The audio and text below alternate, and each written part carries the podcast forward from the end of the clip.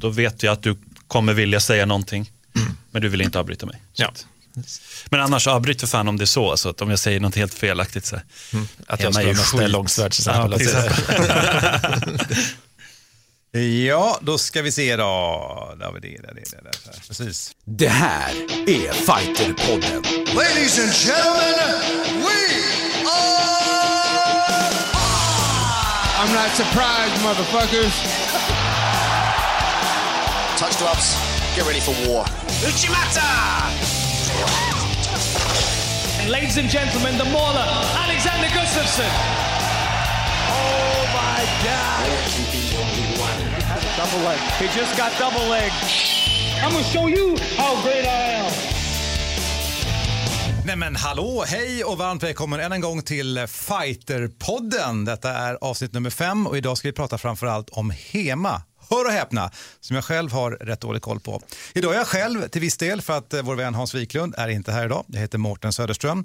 Men som vanligt är han här, Simon Kölle, välkommen. Tjena, tjena. Som är då den eh, digitala versionen av Fighter Mags chefredaktör. Det är jag. Det är jag. kommer ge lite update sen på det senaste inom kampsport.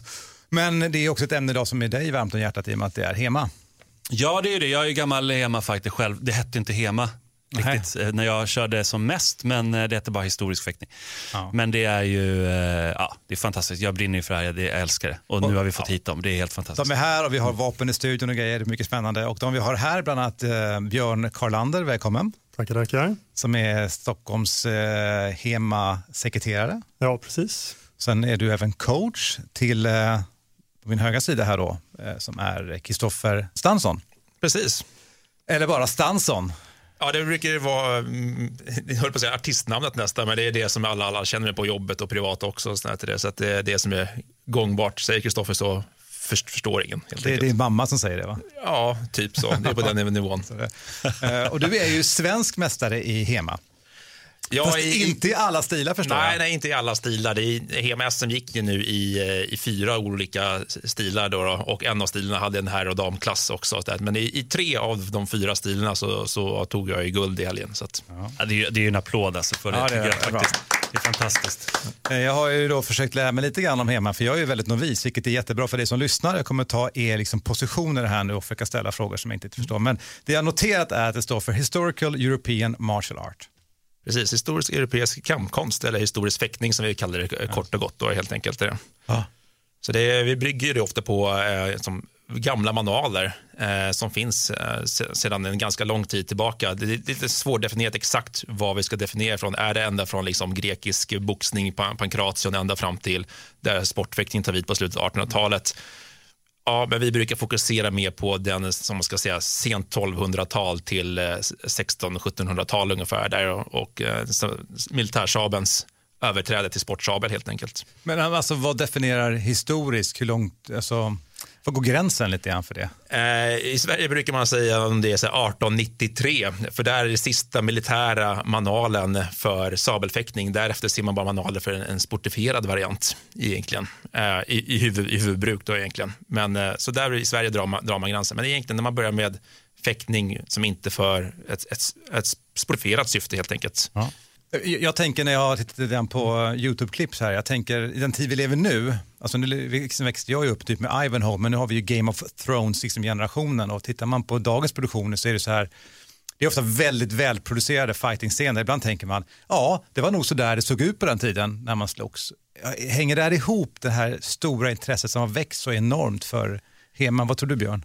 Ja, absolut. Eh, det är väl klart att ju mer eh, intresse det finns ja, runt omkring i samhället med film och sådana saker för det historiska, desto fler kommer ju få upp ögonen för vår stil också, absolut.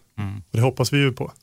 Vi har ju dock alltid problemet där att på cineastiskt sätt, alla attacker, filmer och så, eh, att, som syns, att de ska synas mycket och se häftiga ut. Och vi försöker ju nästan göra det tvärtom. Man ska inte ha någon tell. Det ska inte vara som synas att det kommer en attack överhuvudtaget.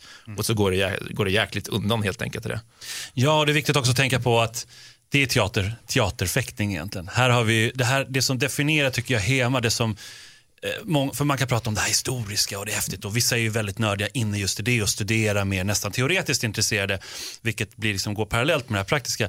Men jag brukar säga att man kan förenkla det ganska mycket och säga att det här är riktig fäktning. Det smäller på, det är hårt, det är tufft och det är på riktigt.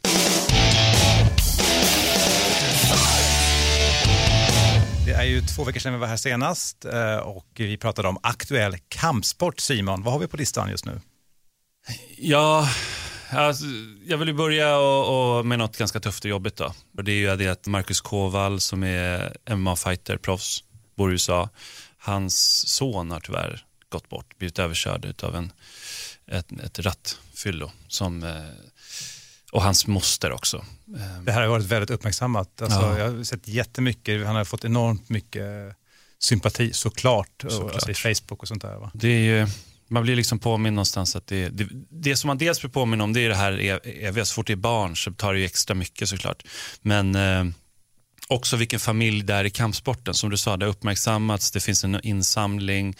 Eh, för det är ganska dyrt i USA förstås med allting med sjukvård och allt sånt där. Men, eh, och det, för det är ju verkligen en familj omkring det här. Det tror jag, det tror jag hoppas jag att de någonstans i all sorg kan känna. Ja, det är mycket tragiskt och det där är som du säger något som har präglat väldigt mycket kampsport. Eh, Men om vi tar oss från det eh, så har vi också kanske då något mer glädjande och det gäller ju våra svenska framgångar i, eh, inom UFC och UFC Fight Night tänker jag på då. Nu måste vi vända oss till våra hemavänner här. Hänger ni med i UFC, fighting, tycker ni att det är intressant? Ja, jo, absolut. Jag har tittat ganska mycket på UFC. Jag såg maincardet nu, nu senast också. Säger Björn. Vad säger Stansson? Jag följer ju nyheterna men jag har oftast inte så tid eh, att, att titta på, på matcherna. Eh, och drar, man, man ser ju mer, mer sammandragen och man ser ju de mer spekt, spektakulära händelserna. Man säger så. så att, eh, inte hela matcher följer jag, men, men jag hänger med på det övergripande så att säga. Det. Själv hade jag ju laddat upp en sån riktig UFC-kväll. Den började klockan sex, ni vet. Det var ju till och med chips och grejer va? Och sen var det ju bara en autostrada och som du säger, Jack Hermansson. Var. vilken, eh, vilken fighter. Och det är klart, vi var ju några få som kände till honom och visste hur bra han var och sådär på förhand. Och, eh, men också här pressen och stressen att gå in i UFC, den är unik. Alltså de, de flesta säger det. Du kan vara värt, världsmästare i thaiboxning eller vad som helst. När du kommer in i UFC, det är något speciellt. Det är liksom, du, du har världens ögon riktade mot dig. Så, så det blir ju mycket nervositet, mycket, ja det är jobbigt. Men han eh, skötte det väldigt bra, tog det lugnt, blev inte för stressad eh, och eh, boxade ut och var alltså, klart bättre stående än Scott Askams. Ja, han, han, han visade att han verkligen hör hemma i UFC. Så att det, det kommer bara gå framåt och han var liksom så, det var så skönt att bara få se någon, en sån här träningsprodukt som vi pratade om förra gången. Just det. Kliva upp och, och vinna i UFC och någonstans eh, visa att han hör hemma där. För det, det gör han, han hör ju absolut hemma. Ja, att- jättekul. Men sen var det mindre tråkigt, eller mindre roligt som sagt med, med um, Ilir. Jag var lite förvånad faktiskt. Mm. Eh, Ilir, har ju, Ilir förlorade ju på knockout där då. En, Mot en, Ryan Bader. knä. Och han har ju blivit knockad förut, ska vi säga. Han har absolut ingen, ingen glaskäke. Det, det är väl absolut, alltså det, Alltså det där knät han fick, det är otroligt. Alltså. alltså såg ni det? Eller? Ja, ja, absolut. Jag tror jag måste gå hem och se alla matcher nu bara för Ja, nästa- men alltså det knät, jag tänkte så här, om inte huvudet ramlar av på någon människa, alltså, det var otrolig smäll.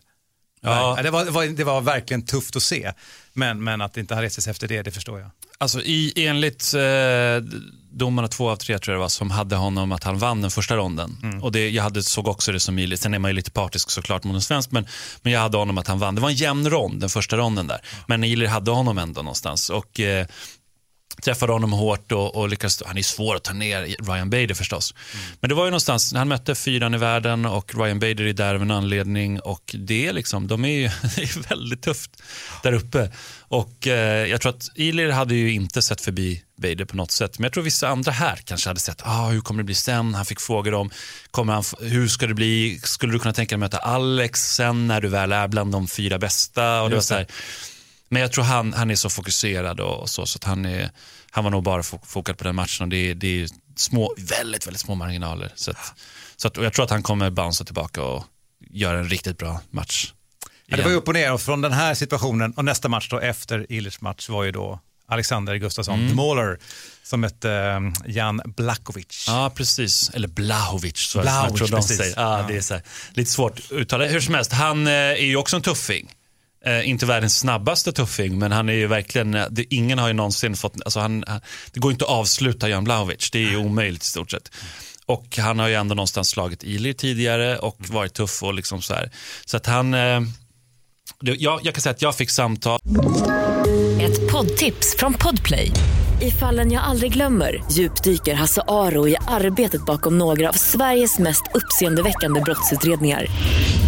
Går vi in med hemlig telefonavlyssning och, och då upplever vi att vi får en total förändring av hans beteende. Vad är det som händer nu? Vem är det som läcker? Och så säger han att jag är kriminell, jag har varit kriminell i hela mitt liv men att mörda ett barn, där går min gräns. Nya säsongen av Fallen jag aldrig glömmer på Podplay. Telefonsamtal, fick sms och, och mess överallt att eh, Alex skulle förlora den här matchen nu på grund av Ilir. Mm. Även från folk på arenan och så här, liksom nu, Alex är nervös nu på en helt annan nivå. Och, men någonstans så tänkte jag ändå att nej, fan han kommer ta det där. Det, det, han, han är ju alla dagar i veckan bättre än Jan Blahovic. Helt klart, det är han ju. Och han gjorde ju en väldigt, alltså en, eh, en taktisk, man säga, perfekt match. Men jag förstår att det har varit en del liksom kritik. Alltså, eh, Alexander mm. vann ju, men han tog ju ner eh, Blahovic eh, och höll på backen i stort sett liksom under de här It's the name of the game. Vadå? Ja. Det, det liksom, han har tagit ner Daniel Cormier som ingen har tagit ner. Han har tagit ner John Jones som i stort sett ingen har tagit ner. Alltså, det är ju, Alex har ju förvandlats tror jag väldigt mycket på grund av att han har mött de här killarna men också av sin träning på Alliance och sådär. Mm. Eh, och Bålstad då givetvis.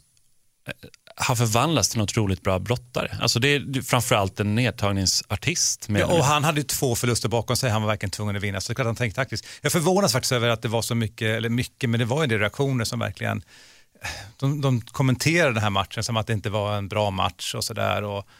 Ja, ja, vad känner du kring det? Alltså han bollar inte med honom och det tror jag, det, det måste man nog vara ganska realistisk att se också. Jag menar, Leon Blaovic är ju liksom bland de 15 bästa i världen och de, de är jämna. Så som sagt, det är väldigt små marginaler. Och visst, en av de här träffarna hade kunnat sänkt eh, Blaovic, men samma sak tvärtom. Liksom. En av Blaovics enorma nävar hade kunnat ja. liksom sänkt Alex. Så att, och Alex fick ta emot tycker jag. Tror att om man ska vara lite realistisk och lite så här rimlig i kritiken, då ska man nog titta lite så här, hur var Alex snabbhet till exempel? Hur, hur var han stående? Alltså var han lite orolig för att förlora i den här matchen kanske? Jag tyckte det såg ut lite så att han, han fightades för att vinna mer än för att avsluta. Därför sa jag också i podden att det kommer gå hela vägen ut. Du, du hade rätt. av ja. där till mig själv, om jag får skryta lite. Nej men eh, skämt åsido så, det, jag trodde verkligen det. Mm.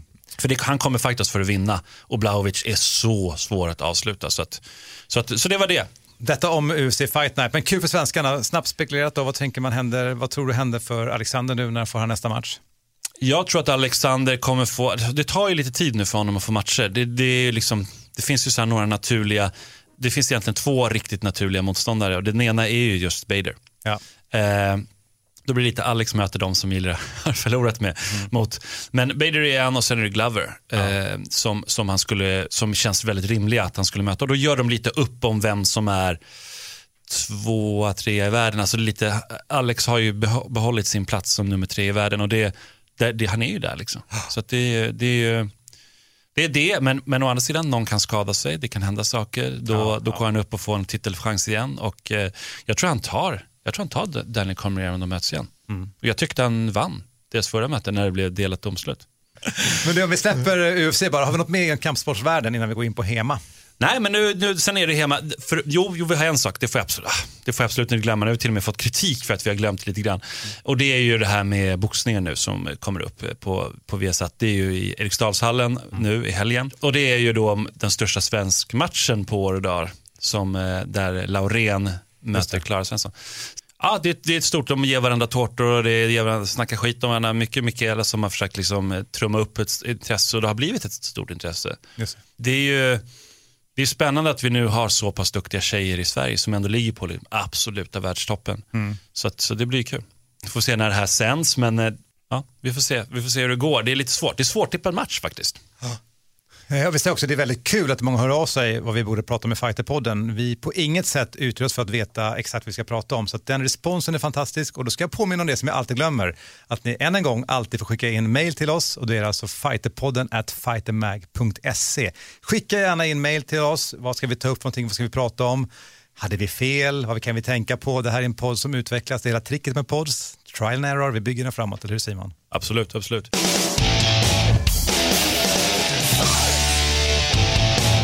Går vi från detta över till HEMA. Och eh, nu tar jag på mig hatten att försöka förstå. Eh, själv har jag bakgrund inom traditionell kampsport och framförallt i japanskt då. Eh, inte så mycket från Kina, men i Japan. Men, men tittar man från det jag har tränat, då är det ju mycket scrollor, man studerar material liksom från Ja, det var ju 1600-talet nästan fram till nu och där finns det mycket tekniker utifrån svär och vapen och redskap och sådär. Och när jag tittar och läser om HEMA så är det lite grann likadant. Ni tittar också på gamla material fast från Europa. Medan jag tittar på saker som då var från eh, ja, Asien, primärt från Japan. Ja, precis. Det, det skrevs ju en hel del eh, material och nu, det är nu man först börjar eh, hitta dem de senaste kanske, vad ska säga, 20-30 åren. Och många av de sakerna har bara legat helt bortglömda på museum, upp, kanske uppkategoriserade och märkta och alltihopa, men ingen som haft någon vidare intresse av det.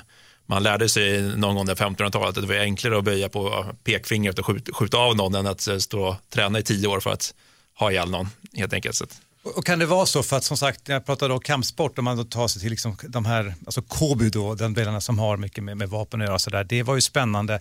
Det känns inte som att den här europeiska kampsporten, för det här är ju en europeisk kampsport, att den har varit speciell, liksom, vi har inte värderat det, vi har inte tänkt kanske att de här nu jämför jag med Ivanhoe och det här, det här den typen av eh, soldater, det har inte varit så eh, lockande, men nu har ju det här verkligen fått ett jätteuppsving. Och eh, jag börjar egentligen med dig Stansson, hur hamnade du i HEMA?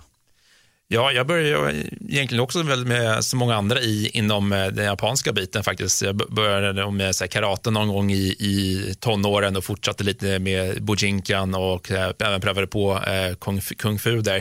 Äh, men jag var alltid sugen på att, att sparras mer. Framförallt så började jag snegla på alla, alla alla pinnar och vapen helt enkelt. Och det, så det, det, är där, det är det jag vill hålla på med. Ja. Eh, sen var det väl någon gång när jag var strax över 20, 22 när någonstans som jag, som jag hittade faktiskt som, som hema som, som fäktas med, med svärd och där var det ju slåss första dagen som, som man fick pröva på och köra det.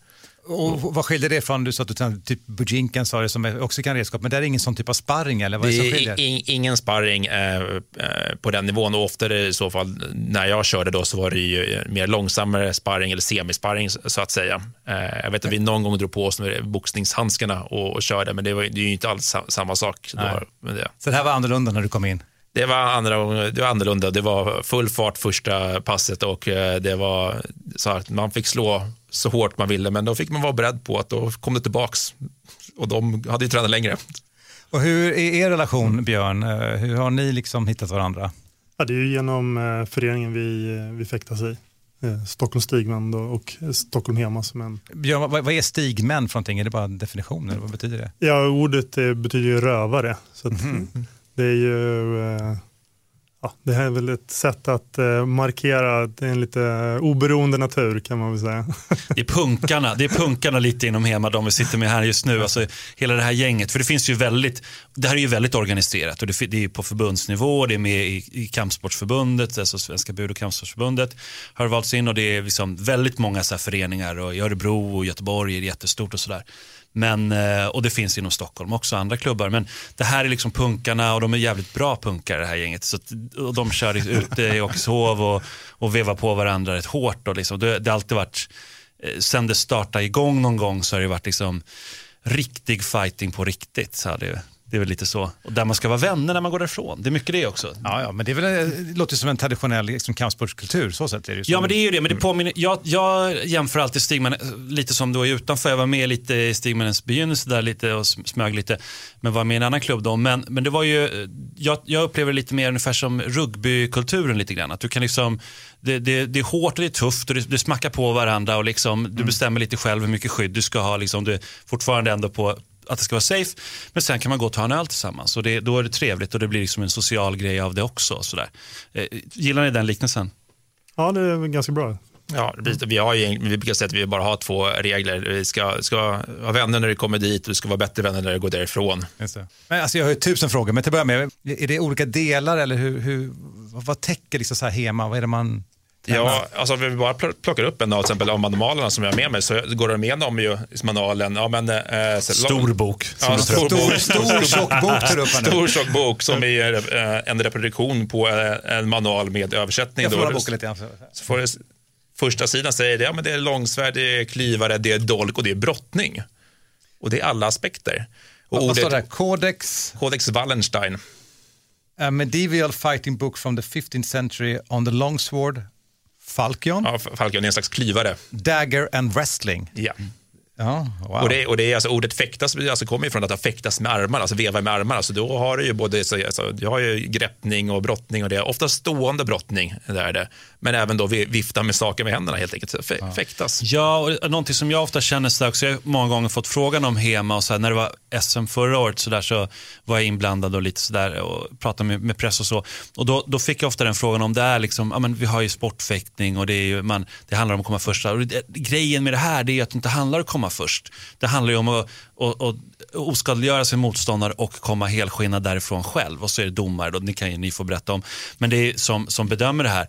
Men det, men det är ju någonstans också att, och då, då känner jag att det är viktigt också att påpeka att det är någonstans så riktigt man kan komma utan att faktiskt klyva varandras huvuden med de här långsvärden och med rapiderna och det. Och då, då är det stål som man hugger med och det, och det är liksom, de tar i och då är det våldsamt. Och det, och det är lite det att historiken här är väl att, om jag ska dra tillbaka liksom till 70-talet, eh, så är det så att folk började titta och liksom, men jag vill göra det här jag också, det man gör på filmer i stort sett. Och så började folk i USA framförallt ta upp liksom pinnar och sådär och började liksom fightas och, och det var ju inte bra. Liksom. De tittade inte så mycket på manualer, det fanns väl en och annan som gjorde det, men det växte och så blev det stora organisationer. Det finns en jättestor amerikansk organisation som, som heter SCA som började liksom hålla på med det här och, och de, de hade sina olika förgreningar och de smackade på varandra rätt rejält, mycket på universiteten och sådär i källare och boxningsringar och så. För det fanns liksom någon sorts vilja att ta upp den här europeiska, liksom, riktiga kampsporten. Nu, nu berättar alltså Simon allting som ni skulle berätta, det vet ni va? Ja, ja, ja, men jag är ju en, en, en encyklopedia eh, kampsport. Men, men Ja, det han kan få det. börja på det. Ska vi börjar komma fram på 90-talet och 2000, Då, då, då, kan vi ta över. Ja, men det bara för att eh, runda upp det där, vad som hände där på 70-talet. Så då, då, liksom, då kom det där igång och så startades de här olika föreningarna. Men eh, det var inte organiserat och det, det fick liksom, alltså rikt, situationstecken, utan att eh, dissa någon nu här, så kan jag säga att riktiga kampsportare hittade inte riktigt dit till, den här, till, till eh, de föreningarna som startades, utan det var, det var ganska otränade individer som smackade på varandra och tradade i stort sett med varandra. Och sen så var det då vissa så här, som ville göra det mer och mer på riktigt. Och då fanns det, kom Arma bland annat som blev stora, som inte riktigt är så stora längre, men det kom då olika såna här för- föreningar eller organisationer som försökte ta det liksom till nästa nivå. Och eh, och samtidigt så fanns det ju folk i de här gamla systemen där man egentligen bara tejpade pinnar och smackade på varandra i stort sett. Och då kunde någon komma ner som kunde skrima då och liksom faktiskt har, göra lätt så mycket slarvsylta av dem. Eh, men eh, någonstans så började det, liksom, det bli att man faktiskt tittade på hur gjorde man då faktiskt förr i tiden. Och då börjar vi komma in till det som sen blev HEMA som är ju då väldigt, nu vet vi inte exakt att det är det som var förr. Men, men eh, det är någonstans, jag brukar kalla det modern hema. Just att, mod, eller modern klass, eh, historisk fäktning. För det är det, är det inte modern hema. Modern. Fast det, där, det där påminner ju om all, alltså även Ja. japansk kampsport, alltså, som jag sa, gamla scrollor, så här, Ja, ja. Tränade, så här tränade samurajerna. Ja, vi har ju inte varit där. Det här är sannolikt att det fungerar så här, om han har rustning på sig och jag gör så här och så här så borde det bli så här och då borde det vara logiskt. så Men, men det finns en skillnad då och det är ju att det här, och det är därför Stansson har med sig en bok och sådär och visar, det är det att det här är ju också teoretiker. Det här är ju liksom sådana som, många, många, alla gör inte det, men många gillar ju också att faktiskt förkovra sig och dyka ner i det här och läsa om eh, hur man faktiskt gjorde och faktiskt försöka titta, okej nu tittar Jo, vi jo. på den här mästaren och så försöker vi återspegla det eller vi använder den här tyska skolan och där tycker jag ni kan ta över för där Ja. berättar ni bättre än mig. Ja, absolut. Och där kan jag haka på direkt. Det finns ju en tävling i USA som kallas eh, long point och de brukar köra vad de kallar ett triathlon. Och då, det, då har du dels själva tävlingsmomentet med där, det, alltså där du kör mot varandra, sparras, tävlas. Men sen så har de en, en, en delgren som heter per teknik där du ska tolka de, säga, de gamla scrollerna, de gamla böckerna och visa upp tekniken med en partner, som en kata ungefär. Och du kör så att du, har, men du förstår den historiska kontexten till den här tekniken. Och så är det den tredje grenen som är skarphuggning. att visa, alltså de här huggen du sätter på tävling, kom, har de, gör de någon effekt? Skulle de ha någon effekt på riktigt så har de olika teknikmoment att utföra de här huggen. Då har man alltså vassa svärd. Då tar man fram de vassa, skarpa svärden. Det påminner ju sig, ja, det är samma som i, i Aidon då. Alltså som... det är, du använder samma mattor, du kör, ta, ta, Tabashigiri. ta, ja, du kör ja. samma matta där och hugger på dem. Och där. Aha. Och kör det. Men om vi tar oss till idag, om jag skulle vilja börja träna hemma nu, Björn. Ja. Um, hur gör jag? Eh, det beror ju på var du bor någonstans såklart. Det finns ja. ju ett antal klubbar runt om i landet.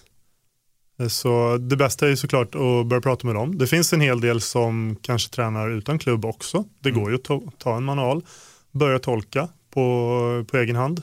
Mm. Tillsammans med någon annan kanske kan vara enklast också såklart. Eh, men annars, nu, nu är det så pass mycket klubbar runt omkring i landet att så länge man bor någorlunda centralt så, så går det absolut att hitta några andra som man kan, som man kan träna tillsammans med. Och ja, och det här är inte, jag måste inte tävla utan det här kan jag välja om jag vill tävla i eller bara träna? Så. Ja, ja, absolut. Det går ju jättebra att bara vara, vara motionär så att säga. Och hur går en tävling till, eller förlåt, en träning till? Det beror helt på klubben. Ja. Vi eh, i Stockholms Stigmen har ju stort sett bara sparring. Mm. Medan många andra har betydligt mer strukturerat med, med instruktörsledda träningspass. Eller alla andra har väl det egentligen. ja, vi har som sagt, de är punkarna. Ja, vi har ett jättebra förbund nu för tiden som man kan få hjälp med. Både att starta upp klubb och hur man ska organisera tävlingar. Som är, det är relativt nystartat ska man, ska man säga eh, och som sagt anordna sitt, sitt andra SM i, i år. Men det, har alltså, det kan få otroligt mycket hjälp och de ställer väldigt gärna upp och frågar det. Alltså jag skulle vilja säga att det nästan är unikt bra. Alltså för det här är, och, och jag känner att det påminner väldigt, väldigt mycket om när MMA växte och blev stort. Vi, då satt vi må, många sådana här podcast och satt i radio och allting och tv och försökte förklara vad är MMA. Liksom. Mm. HEMA är ju någonstans, mm. det är ju MMA med vapen. Du får ja. göra det i stort sett vad du vill. Alltså det, sen så är det bra om man följer och, och försöker vara som, som eh, det var back in the days. Men det är ju någonstans liksom på riktigt och Carl Ryrberg då som är den som leder förbundet, han, han var ju också nominerad till bästa ledare på Kampsportsgalan. Och det, är liksom, det är lite så här, det finns just nu en sån drift att vilja upptäcka vad vi hade, höll på med på Europa. Inte bara liksom det här japanska som också är förknippat med väldigt mycket sekter. Det är liksom inom taekwondo, det är en gammal sekt, liksom.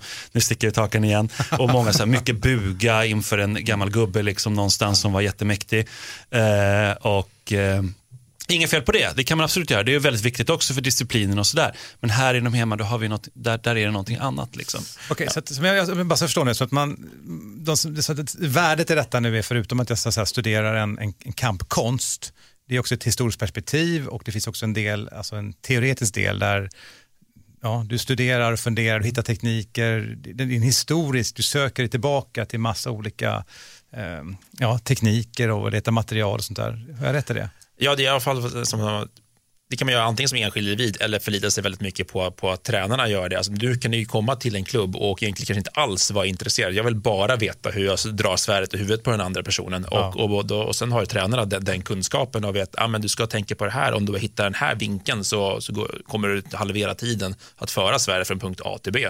Ja. Så då behöver du inte lägga själv någon krut. Det finns flera folk i Sverige nu som hittar som tar upp gamla manualer och översätter dem och transkriberar dem och gör det på ett väldigt bra sätt också.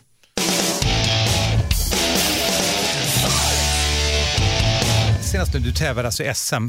Vad innebar det? Alltså, vad tävlade du i och på vilket sätt går det till? Alltså tid och liksom matcher och hur många motståndare? Ja, jag tävlade i, i tre grenar eller discipliner. Eh, och det, den första jag tävlade var eh, svärd och bucklare som eh, är kombinationen av ett vanligt svärd som du håller i en hand och en mindre eh, rundsköld som du också håller i eh, en hand. Mm. Så det är inget någonting stort som man ser på som grekerna eller sånt där, utan du håller en hand som, som är storleken av en kastrullock kan, kan man säga, som, mm. som du ska skydda dig med. Eh, och du använder de här i kombination då, då som är bara ett alltså försvarsvapen, då, ett anfallsvapen och skölden, bucklan då, kan du även användas som ett modell större knogjärn ja. och dra till med. Eh, och det får du faktiskt poäng för också. Till och med ja, det sitter domare då och bedömer. Och vad, får ja. du, vad får du poäng på? Är det träffarna eller? Alltså... Det sitter poängdomare och dö, dömer träff. Eller sitter det, det står fyra stycken poängdomare och så har vi en ringdomare. Poängdomarna eh, går ju runt mattan och försöker hela tiden ha den bästa vinkeln och du måste ha ett, ett, eh, två domare med dig för att få poängen så att säga. Eh, du får som oftast får du två poäng för huvudträffar mm. eh, och även stick i kroppen. Eh, i alla fall i, i svärd och bucklor och så en poäng för, för övrigt. Även slag med bucklan och eh, ringouts. Eh, nedtagning av avväpningar ger två poäng också. Okay. Hur, hur lång tid är en match? Tre minuter eh, kör vi matchen och det är in, inte effektiv tid utan matchen så, länge det inte blir något timeout så är det tre minuter eh, som gäller. Eh, ofta har vi en tjockare eh, skyddsjackor på oss och de, de blir ganska varma så efter tre minuter så kan man vara rejält svettig. Alltså det, är, är, du helt skyddad? För jag menar, det, här, det, det är ändå vassa grejer. De är, inte, de är inte slipade förstår jag, men de är ändå vassa i toppen, eller hur? Nej, de, de, är, de är rundare i toppen och ibland sätter man på en, beroende på hur fast avfasade de är, så ska man sätta på en liten extra en skyddsspets, en, någon, någon, någon liten värdering där. där. Ja. Eh, och det är dels för att spara på vapnet, för det händer att de går sönder och även vi har ju skyddsmasker på och det gallret kan buktas om man inte har på något, något mjukare längst fram där. Vi tar fram ett par svärd vi kan väl skicka runt dem på sig lite grann här. Ska ja. Och kan vi ta det som ligger som du får spetsen där. Och det är det svärdet som används i svärd och bucklaren. Då, då. Och I flera tävlingar så kan man använda det svärdet som det är utan något extra eh, skydd på själva svärdet. Då. Så du ser att toppen är lite mer rundad och lite förtjockad för att det inte ska... Nu håller jag det här i handen. Där. Tror man att det här, eller vet man att det här är autentisk vikt? Ja, alltså eh, balansen och vikten eh, är väldigt nära eh, de autentiska originalen. Allting går ju inte att helt återskapa om man inte har en vass klinga, men det, det finns gott om vapen man kan titta på för att se jämföra. Så det där är, inom ramarna. Härligt. Det var, sen har du något annat svärd här borta. Det här är alltså då ett, med ett rakt parerskydd kan man säga på. Då. Ja, precis. Det är ett vanligt enhandsvärd som används i kombination med bucklaren. Så kan vi ta andra grenar jag körde som är eh, rap, rapir och dolk som jag kör med. Och då är det alltså, folk brukar känna det som en värja mer. Längre och det är någon stor uh, skydds... Det är en korg där för pris, det är en skyddskorg för, för, handen. Då, då. Uh, och, den, och, den, är mer utpräglat stötvapen skulle man säga. Men även om hugg är också tillåtna. Och där skiljer sig det att hugg med där klingan är bara värda en poäng. Mm. Oavsett träffområde i, i det vanligaste tävlingen. Men är det här en annan gren då om jag ska tävla med det här svärdet? Är det då en annan gren? Det är en annan gren då. Du använder ofta i kombination med den här parerdolken som jag, ah, kommer fram. Så du har ett, ett ja, ja det, det en två. i vardera hand som du har. Så att det är då, eh, man brukar kalla det ibland för musketörstil om man ska försöka förklara någon för någon icke-kunnig. Ja, men det är lite renässans, det, här är ju, det, här, det kommer ju därifrån någonstans. Mm. Det, det, det här, ja men musketörer och så. Ja, här ser man direkt tjusningen också med Hema. Du står ju och stor, ja, ja, ler jättemycket. Mm. Jag får någon Visst är det häftigt med svärd? Jag får någon kombination av någon europeisk Musashi på något sätt. Här, ja, ja, ja, men ja. Musashi är ju inte alls... Och det är exakt samma årtal kan jag säga. Ja, Musashi, det, är ja, ja, det är 1645 som Musashi gav ut sin bok om fem ringar, så är det, det är exakt den perioden vi pratar om. Det är fascinerande att det alltså sker på en helt annan kontinent, en annan plats. Och han var ju tvåvapenspecialist också. Det var ju jag menar. Och det är exakt kort och långt svärd också. Ja, jättehäftigt. Ja, mm. Vi går vidare då, får se här. Ja, eh, ska vi ha en, det tredje vapenslaget som jag tävlade var ju sabel, då, militärsabel, som egentligen är då slutet av 18, eller mitten på 1800-talet ska vi säga som vi har den. Den är ju lite, det är lite böjt det här, det påminner mer om en katana, ett japanskt svärd. Precis, och den har, har en böjning för som, eh, som man ser ganska långt in på 1800-talet. Eh, och den har även handgreppet, som du ser, du har ingen, en, ingen knapp längst bak till, utan det är bara avrundning. Mm. Och det är för att du ska kunna göra mer snärtiga hugg. Så man, eh, om du lägger ut den, får ut den, så den glider ut i handen så kommer du känna att du Liksom, den fastnar liksom böjningen nästan i handen där.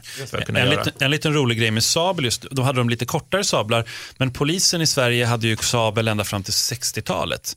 Och så på, på demonstrationer, du kan ju tänka dig själv om du drar upp liksom 50 poliser, drar upp lite kortare då än den där, mm. men också lite bredare, och drar upp liksom, eh, ja, sablar på det här sättet, som då också var bluntade, de var inte vassa då. Mm. Men du ändå kunde ju slå någon i huvudet och det öppnade upp ett ganska rejält katt liksom, förstås i huvudet på dem. Mm. Då kan du tänka dig att eh, det var inte så det, det, det, är lite mer brutalt än batonger som det finns idag. Jag har faktiskt en sån mm. eh, hederssabel, polisens gamla ja. hederssabel i Stockholm. Fångvården hade ju som sabel, det är därifrån namnet plit kommer. Det är så? Ja. Jag får inte tappa det här på golvet. Sablar också. Alltså, oh. Oh. Ja, men du är göteborgare, det är därför. Ja, det, det, blir ganska mycket skämt som är refererar till svärd och sablar. Det... Stabson, Stabson och ja, så vidare. Det kommer. Jag ska försöka reda ut här nu. Så nu, det är olika längder, olika typer av, och som sagt, olika grenar då här. Va? Ja. Vi, pratar om. Eh, vi pratade om en del förut, själva brottningsdelen. Är det en separat gren? Tävlar man i det också? Det finns tävlingar i brottningar och då kallas den oftast för ringen. Hur fungerar den, Björn?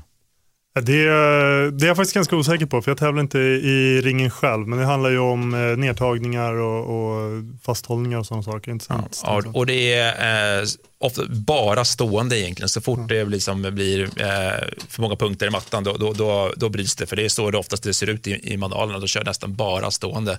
Och det är ju också tänkt för att du ska kunna ha med dig i det till själva till fäktningen i sin tur också. Ja. Och det får man inte glömma att många av manualerna bygger ju på både som för riktig strid men även för man ska säga, juridiska dueller, alltså juridisk strid. Och då räcker det ofta med, kan man säga, Vad betyder det, juridisk strid? Ja, juridiskt strid, alltså, det, är, eh, det var inte det så jäkla vanligt som man trodde, men det tränades för, eh, man tränade för det ändå ganska länge. Och det är alltså, om du ska dra en, som vi började med, en Game of Thrones-referens där, trial by combat. Alltså, ja, men jag känner jag så här, nej, men nu, nu, nu vill jag begära alltså, en juridisk duell istället. Så tar man, man kan ha förkämpar för varandra och sånt också. Eh, och då kan det vara ja, den som förlorar, det- kan ju bero på vad man valde att vad ska vara den förlorande pu- punkten då, eller vad som tilldömdes. Eh, de sista juridiska duellerna, jag vet inte, det, hände, det finns några berättelser om att det hände ända in på 1500-talet, men att det avbröts av ku- kung Henrik den åttonde i England, så att de till, tilldomen då togs bort. Sen fanns det ju privata dueller, hedersdueller långt in på 1600 Såklart. 1700-talet. och det. Även faktiskt inte 1800-talet. Ja, Napoleon, eh, där var det ju flera i hans eh, liksom, eh, regementen, eller hans, bland hans militärer som hade regelrätta strider med varandra. Liksom, I lador och sådär. Det finns beskrivet flera stycken. Så det har ju levt kvar. Och med en surfäktning som är en helt egen stil som inte direkt fäktas. Ni inte kör direkt så mycket va? Nej. Eh, nej, men det finns lite sådana här, det, det lever liksom lite kvar, lite olika fäktstilar. Sen, alla de här tre grenarna vann ju du i, det är ju helt fantastiskt. Alltså att du, du vann i dem. Men sen är det, finns det också en annan långsvärd som är den som flest i världen utövar ändå. Precis, vi är väl eh, totalt kanske 400 utövare i, i, i, Sve- i Sverige. Eh, och det är väl totalt vad är det, Jättesvärd. tiotusental någonstans där, jag vet inte, 10-15 tusen. Här kan man ju ha dubbla grepp, det ser jag ju direkt. Ja, det kallas ju för, för långsvärd och det, det används ju främst med två händer men ska även kunna användas med, med en hand. Då då. Nu inser man ju direkt att det tränas ju en del även fysisk träning, det förstår jag direkt. Det här är ju ingen lek. Nej, det är inte det. Det är det som är grejen. Det, är- alltså, det är det jag menar, att det är på riktigt. Det finns, för det finns någon sån här uppfattning, ja men det är svärd. Och jag hörde lite sånt till och med på kampsportsgalan. De flesta var ju väldigt så här eld och lågor, att det var häftigt att Hema fick den här uppmärksamheten som de fick. Eh, Nominerade i flera olika saker. Och sen bästa klubb också blev ju Göteborgs eh, fäktskola, heter de, historiska fäktskola. Ja. vann ju som bästa klubb. Och, eh, men, men det fanns även, jag hörde några så här kommentarer att ah, men det är bara larvigt, man, det, det känns ju inte och det, det är bara, det, det är, så, det är så här, som att slåss på ett live ungefär. Det var ju någon som sa det är lar, larvigt liksom. Och det, då blir jag lite så här, ja, kom, kom gärna ner, gå ner till stigmännen och, och pröva. Och, Men- men ni och som är kör. och tränar, alltså- det, det smacka på. Alltså, det, Upplever ni det, många som kommer dit som har lite grann, alltså är lite nyfikna, men så kör de ett par pass. Hur brukar de reagera efter ett par pass? Ja, nej, vi brukar inte upp, upp, upp, uppleva att de alltså, för, för, försvinner. Alltså, det finns ju de som vill alltså, kanske mer eh, träna bara mer teknik och bara, bara som, träna för att det är snyggt. Men sen de som vill sparras och köra och slåss, de, de blir ju kvar. Det är ju ingen som kommer ner och tyckte att det var töntigt. Så. nej, de det är som- viktigt. Ja, förlåt, säg, eh, säg du Björn. Eh, De som letar efter klubb brukar ju såklart lä- läsa lite och då tror jag att de som... Ja, en- vi, vi, eh, en, del, en, del, en del skräms bort av det faktum att vi dels inte har några instruktörsledda pass Nej. och att vi kör utomhus. Mm. Så det är lite av en tröskel kanske att komma ner till, till oss. Så gör man det så ja, blir man oftast kvar. Då har man redan bestämt sig.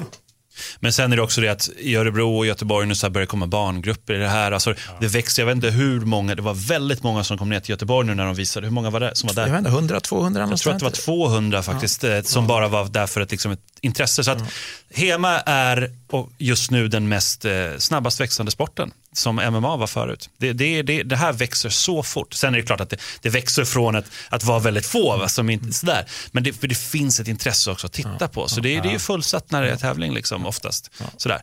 Och då tänker jag, om nu skulle börja alltså, träna det här och tävla i det här, vad, vad har jag för skydd? Alltså hur, hur skyddas jag? Dels så har du ju en, en fäktmask och det är ju eh, ungefär, alltså det är ju samma som eh, Ett härligt blåmärke då på armen, är det från träningen? Det är från SM nu i helgen. Jag ställde upp i två grenar också. Och vad fick du där? Fick du en bred Där fick jag från, från svärd bucklare och jag har ett betydligt värre på höger lår. så att eh, det, det smakar på bra. Eh, Det gör det absolut. Och då har vi som sagt, eh, vi har fäktmasker och det är ju ungefär som, eller det är sportfäktningsmasker. Ta fram vad du har på Ja, sig lite absolut. grann. Ja.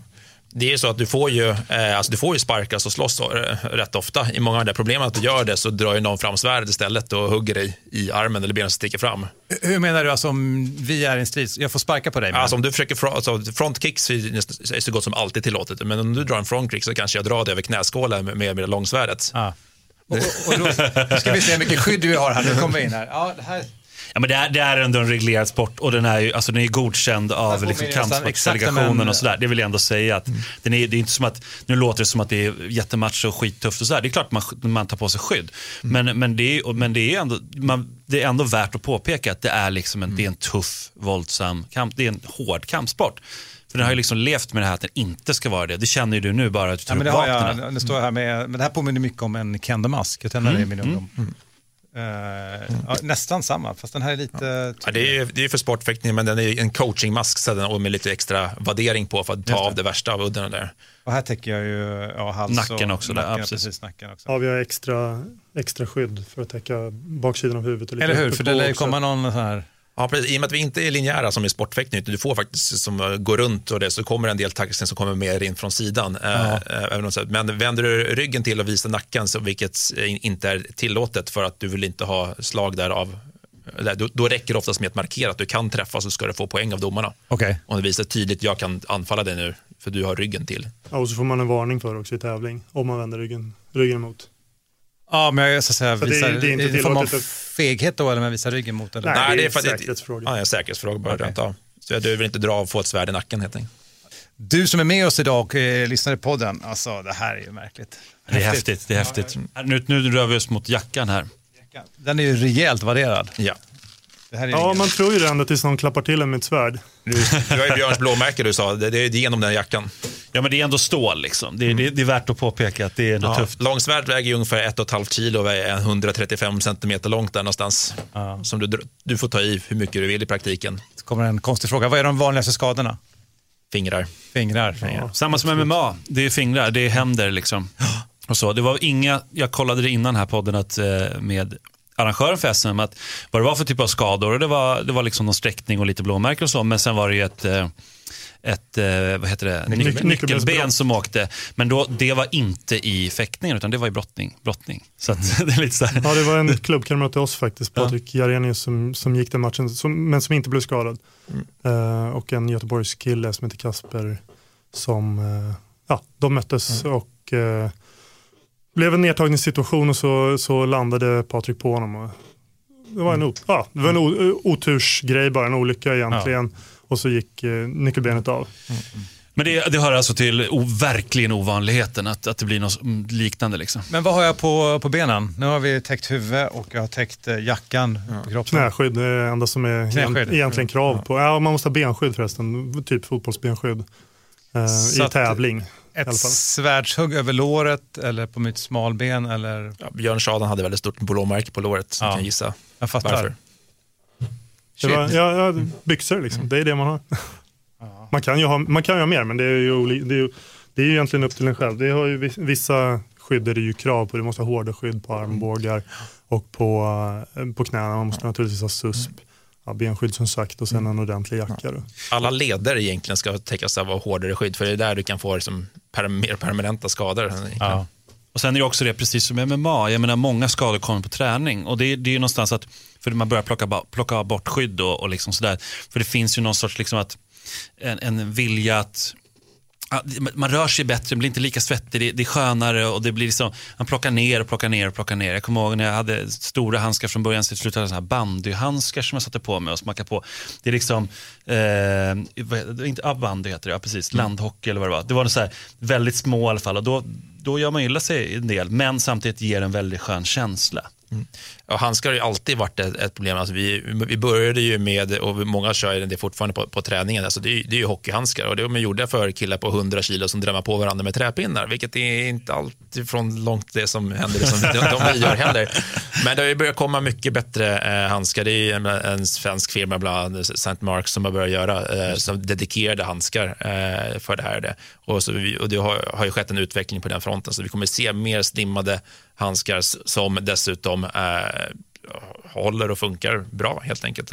Och det här har ju tagit ner skadorna också. Det var ju mycket mer handskador och fingerskador tidigare, men nu den frekvensen har ju lyckligtvis sjunkit. Då.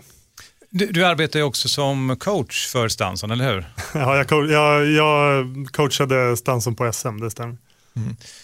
Ja, det gick ju bra får man ju säga då. Ja, absolut. Nej, men alltså, vi, vi, vi, diskuterade så och så planerade en, en, taktik som jag eh, som vi skulle köra inför varje motståndare och, och sagt att Björn påminner mig om liksom, så att, så, vad vi vad skulle hålla vi till och att sen, röra mig vid rätt tillfällen och säga att ja, det ser bra ut. Liksom, så här, och, och Låter som en bra coach. Det är en bra coach. Ja. Men vad, vad är du, det här är svårt nu, vad är du bäst på? Vad upplever du själv? Att, vad är din styrka? Det är den bästa frågan.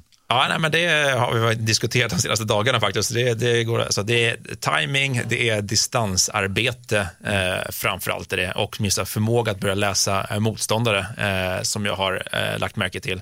Jag hade ju en av motståndarna jag hade i SM visste jag så här, men han har en specifik tell som man visste när han skulle vara på väg att göra någonting. Och då, då tell, att han avslöjar sig? Alltså. Ja, att han avslöjar sig. Så här, han, han lutar huvudet lite åt sidan och då såg jag att nu kommer det hända. Så flyttade jag mig ett, ett, ett halvt fotsteg bakåt. Snabbt tvungen att börja om med sin timing och vad man nu skulle göra för någonting. Ja.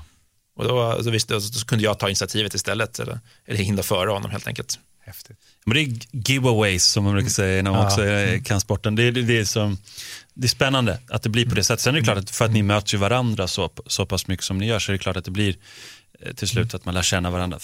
Men det, genom att det kommer fler in i det här och kommer kanske från andra kampsporter så, så kommer det såklart mm. öka och bli ännu bättre tävlingar. Det, för det är värt att mm. påpeka, det, det, är lätt att tänka att ja, det här är sådana som kör någon gång i veckan och lite sticker upp på någon tävling. Men det, det, det var rätt länge sedan det var så. Mm. Nu är det ändå att det är liksom det kräver att man tränar, många tränar till exempel thaiboxning eller tränar andra saker eller springer. Och liksom, mm. det, här är, det, det, det här är ju någon sorts liksom kampsportens triathlon nästan på sätt och vis. Alltså, vad, vad, har ni för fysisk träning förutom att ni eh, alltså, tränar? Nu, nu pratar jag om de, de bästa, det finns ju många motionärer också. Ja absolut, det finns ju många motionärer men alltså, jag kör ju ungefär fyra sparringpass i veckan på mm. min, minst en timme. Eh, och sen åker jag ut på tävlingar eh, både internationellt och nationellt en gång i månaden ungefär. Ja. Så det blir ju alltså mycket som, som tidigare nämnts, så det ett, man ska träna för, för att tävla egentligen, så det måste få in tävlingsvanan också och få in, in allting i kroppen. Det.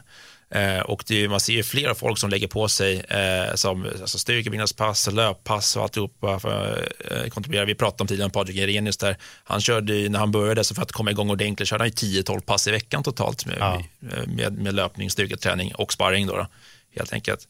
Så det, det, vill man nå toppen så är det, det börjar bli elitidrott helt enkelt, så man måste komma dit där. Hema, häftigt. Men om jag nu vill titta på det här, jag läste något som heter Swordfish, det är någon stor, ett stort arrangemang. Ja, det, det räknas ju som världens mest prestigefulla hematävling och den går ju av stapeln i Göteborg varje år. Ja. Så att det, det, det, eh, vinner man det så eh, är man väldigt bra helt enkelt så att säga. Och det, de har ju en ganska eh, bra livestream också eh, som, eh, som brukar kommenteras av eh, en amerikan och en, en, en kille från Göteborg också. Så en mer professionell produktion som man kan kolla och det finns ju upplagt på, på nätet som man kan kolla på de, de, på de senaste åren i alla fall. Och det, de två senaste åren är verkligen värda att kolla på. Har du varit där själv och tävlat? Jag har varit där själv och tävlat. Men, men är det så att säga, världsnivå? Det är deltagare från Sydafrika, Australien och Ryssland och USA, så ja, det är världsnivå. Men hur har det gått för dig då? Jag vann svärd och bucklor förra året och kom fyra i rapirdolken och saben. Wow, duktigt. Så att ja, det, man, man inser någonstans att man, man ligger där på toppen helt enkelt nu. Men det började ju redan då med dig där, men sen jag, jag vill ju påpeka här att det verkligen är ett genombrott för dig nu i år då, eftersom att nu har du vunnit med trippel, trippelnöten SM. Det har varit Nordiska ligan, det har varit massa, massa internationella tävlingar som du har vunnit. Så jag, jag vill säga, säga här att du har, det här är ju ditt genombrottsår på riktigt, även om du var fyra och du vann då allting. Så det är jättespännande. Det började redan då, förra året egentligen. Men nu har du ju Det är verkligen... nästan lite generad här någonstans. Ja, det är lite jobbigt. ja, nej, men faktiskt med det, alltså jag bestämde ju egentligen alltså för att verkligen gå in helhjärtat egentligen eh, 2013 kan man säga de senaste tre åren eh, och började åka runt på tävlingar och riktigt ordentligt de senaste ett och ett halvt, två åren och det märkte man så fort man fick mycket mer tävlingserfarenhet också och komma ut internationellt och möta andra personer, andra stilar, alltihopa, då, då börjar, då börjar allting lossna mycket mer. Helt enkelt. Det, det, jag känner att det är så det funkar och det är precis som det var Johan Haldin som pratade om det i MMA-podden förut. Jag måste träna på att tävla helt enkelt. Komma ut. Hörrni, eh, tiden eh, har sprungit ifrån oss faktiskt i eh, Fighterpodden. Idag har vi pratat om HEMA, Historical European Martial Arts. Om man nu vill titta på det här någonstans, förutom det här Swordsfish, alltså är det någon i Sverige närmsta tiden, men är nyfiken på det här, jag kan se, förutom att ni tränar utomhus som sagt, är det någon tävling, något arrangemang jag kan gå till? Det är närmast, det är ju faktiskt Swordfish, om det är om sex veckor så har jag för mig faktiskt i Göteborg. Det är Ja. väl 4 november, när, så det är det som är absolut Och kan man inte närmast. vara där så kan man kolla på livestreaming. Om man inte kan så kan man kolla Rising, helt korrekt. Och det finns ju hur mycket som helst på YouTube också om man vill titta. YouTube, där har jag varit och kollat. och ni har fått känna på dem. Ja, jättekul. Björn Karlander, tack för att du kom. Tackar, tackar. Och eh, Kristoffer Stansson. Ja, och lycka till nu med alla tävlingar framöver. Ja, det blir ett par till fortfarande den här terminen. Härligt. Så Simon Kölle. Tackar, tackar. Vi ses igen om två veckor. Det här Det var. Fighterpodden. Maila till oss på fighterpodden at fightermag.se. Jag heter Mårten Söderström. Vi hörs snart igen. Uzz! Usch.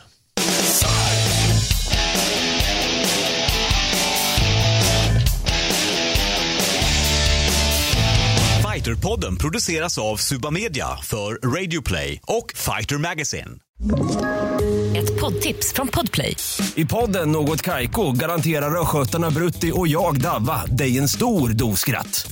Där följer jag pladask för köttätandet igen. Man är lite som en jävla vampyr. Man har fått lite blodsmak och då måste man ha mer. Udda spaningar, fängslande anekdoter och en och annan arg rant. Jag måste ha mitt kaffe på morgonen för annars är jag ingen trevlig människa. Då är du ingen trevlig människa, punkt. Något Kaiko, hör du på Podplay. Därför arkadeinerna.